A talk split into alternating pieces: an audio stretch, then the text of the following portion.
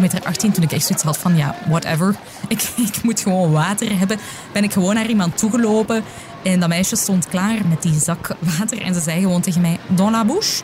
En ik heb gewoon mijn mond open gedaan. Zo, jullie weten alvast dat Liesel, ambassadeur van Mediafilm Moves, er zeker geslaagd in is de 18e kilometer van de 20 kilometer van Brussel te bereiken. Maar raakte ze nog verder? Welkom bij Startline. Na het relaas van Nicolas, die eindigde op de stand van het Rode Kruis, luisteren we naar hoe Liesel het allemaal beleefde. Ik zag het op zich wel zitten, maar ik maakte me ook wel wat zorgen om het weer. Ik kan echt niet zo goed tegen de warmte. Tijdens sporten speelt mij dat toch wel parten, die warmte. Vooral de zon dan, de zon echt in mijn gezicht hebben. En ik had gezien dat het gewoon een open hemel met zon ging zijn. Dus ik, ik had daar wel wat schrik voor. En dan ja, uiteraard ook mijn knie die altijd wel een beetje opspeelde. Mijn voet die een aantal weken voor de 20 kilometer um, wat overbelast was geraakt. En dus ook regelmatig pijn deed. Dus er waren zeker wel wat factoren waar ik mij zorgen om maakte. Maar ja, waar ik op dat punt weinig aan kon doen. Een andere stressfactor van Liesel, zoals ze al vermeldde in de zevende aflevering, was ze haar compagnon kwijt.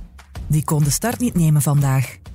28 mei 2023. De ambassadeurs van Mediafin Moves verzamelen zich in het Jubelpark. Ik ben best wel nerveus. Dus um, ik wil eigenlijk gewoon vertrekken en dan gaat dat wel over en dan komt dat wel goed. Hey, le cœur bat.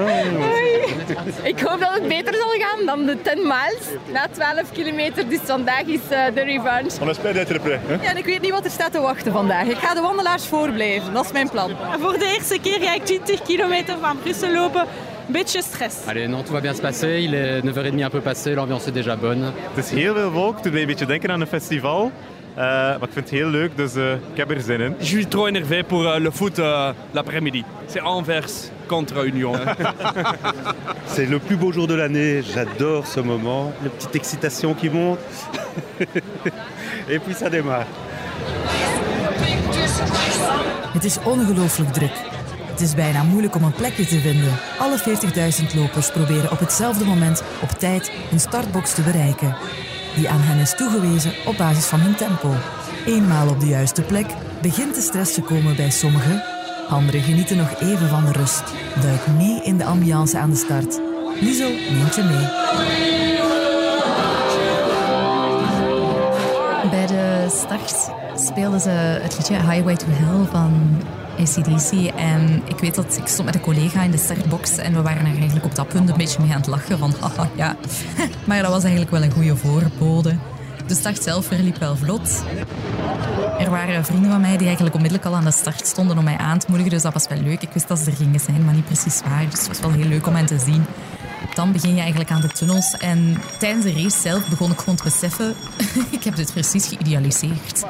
Um, ja, op de een of andere manier leken die hellingen toch steviger dan ik mij herinnerde. Leek het pittiger dan ik mij herinnerde. Goed, het was pittig, maar op het begin gaat dat dan wel nog goed. Je bent nog vrij fit, hè. Die tunnels op de Louisalaan, dat was allemaal in de eerste vijf kilometer. En ik merkte ook zeker wel een verschil met de vorige keer dat ik op de 20 kilometer van Brussel liep, maar dan maar 10 kilometer liep dat ik eigenlijk vanaf 5 kilometer al begon af te tellen naar het einde. Dat had ik nu eigenlijk helemaal niet. Dus dat verliep wel best vlot. Maar allee, de warmte is mij zeker wel al vrij snel parten beginnen spelen. Ik merkte dat mijn hartslag echt hoog was en dat ik die moeilijk naar beneden kreeg.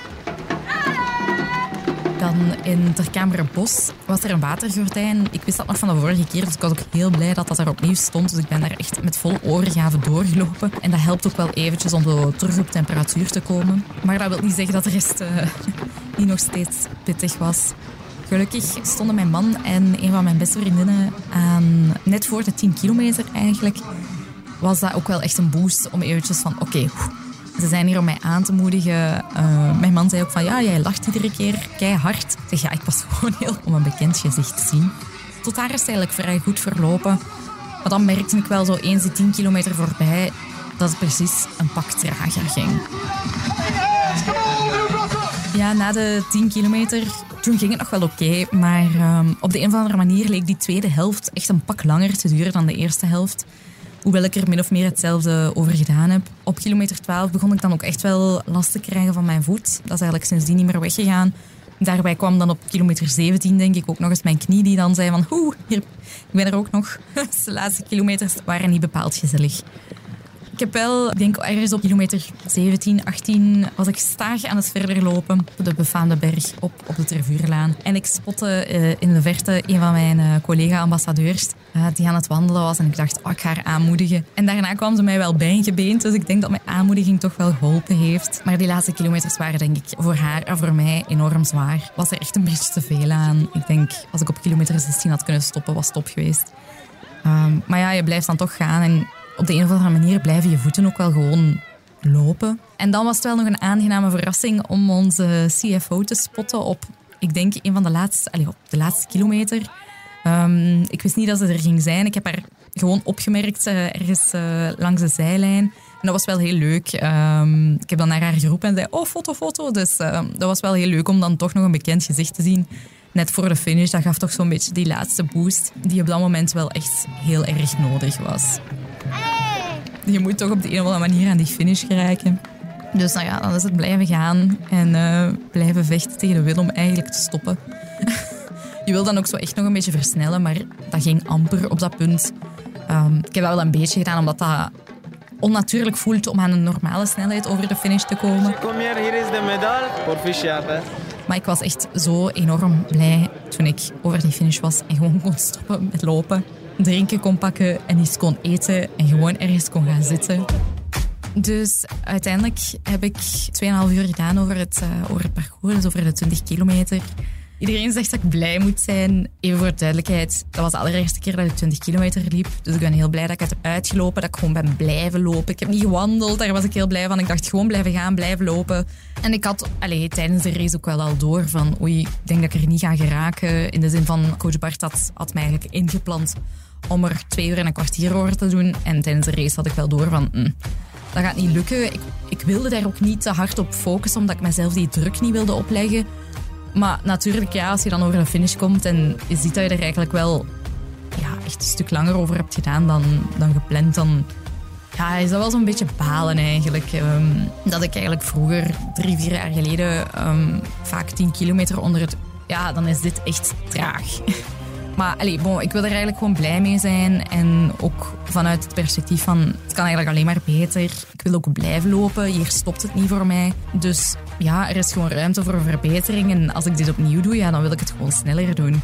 Ik kan wel zeggen dat ik het beste van mezelf heb gegeven. En ik denk dat ik daar wel trots op kan zijn en dat ik daar wel blij mee kan zijn. Ik denk wat ik wel meeneem is dat ik nog altijd wel van nul ben gestart zes maanden geleden. Um, dus dat dat zeker geen vanzelfsprekendheid is dat ik ja, dat je 20 kilometer kan lopen na zes maanden. Ik heb het uiteraard gedaan samen met mijn collega-ambassadeurs. Dus denk dat we er allemaal heel trots op mogen zijn en dat dat ook wel toont dat het mogelijk is. En dat wil ik ook zeker doen. Ik ben nu al, al, heel trots op, op wat ik heb gedaan. Op het feit dat ik dat zes maanden heb volgehouden. Dat ik zo consistent ben gaan trainen. Ik zou het enorm jammer vinden om dan nu te zeggen van... Ah ja, oké, hier, hier stopt het verhaal dan. Uh, dank u wel voor zes maanden coaching. Doei. En ik stop dan nu met lopen. Ik zou dat echt super jammer vinden voor mezelf. Voor de mensen die daar moeite en tijd in hebben gestoken om mij te coachen. Dus ik ga gewoon door. Um, en ik blijf ondertussen ook runs inplannen om mezelf te blijven motiveren. Liesel gooit de loopschoenen dus nog niet weg. Ze heeft zin om verder te lopen. Grote proficiat aan Liesel, die het trainingsschema van coach Bart nauwgezet opvolgde en het haalde. En ook aan alle andere collega's natuurlijk die deelnamen en hun grenzen die dag verlegden. Bedankt om te luisteren naar Startline, een podcast van Mediafin, in het kader van Mediafin Moves.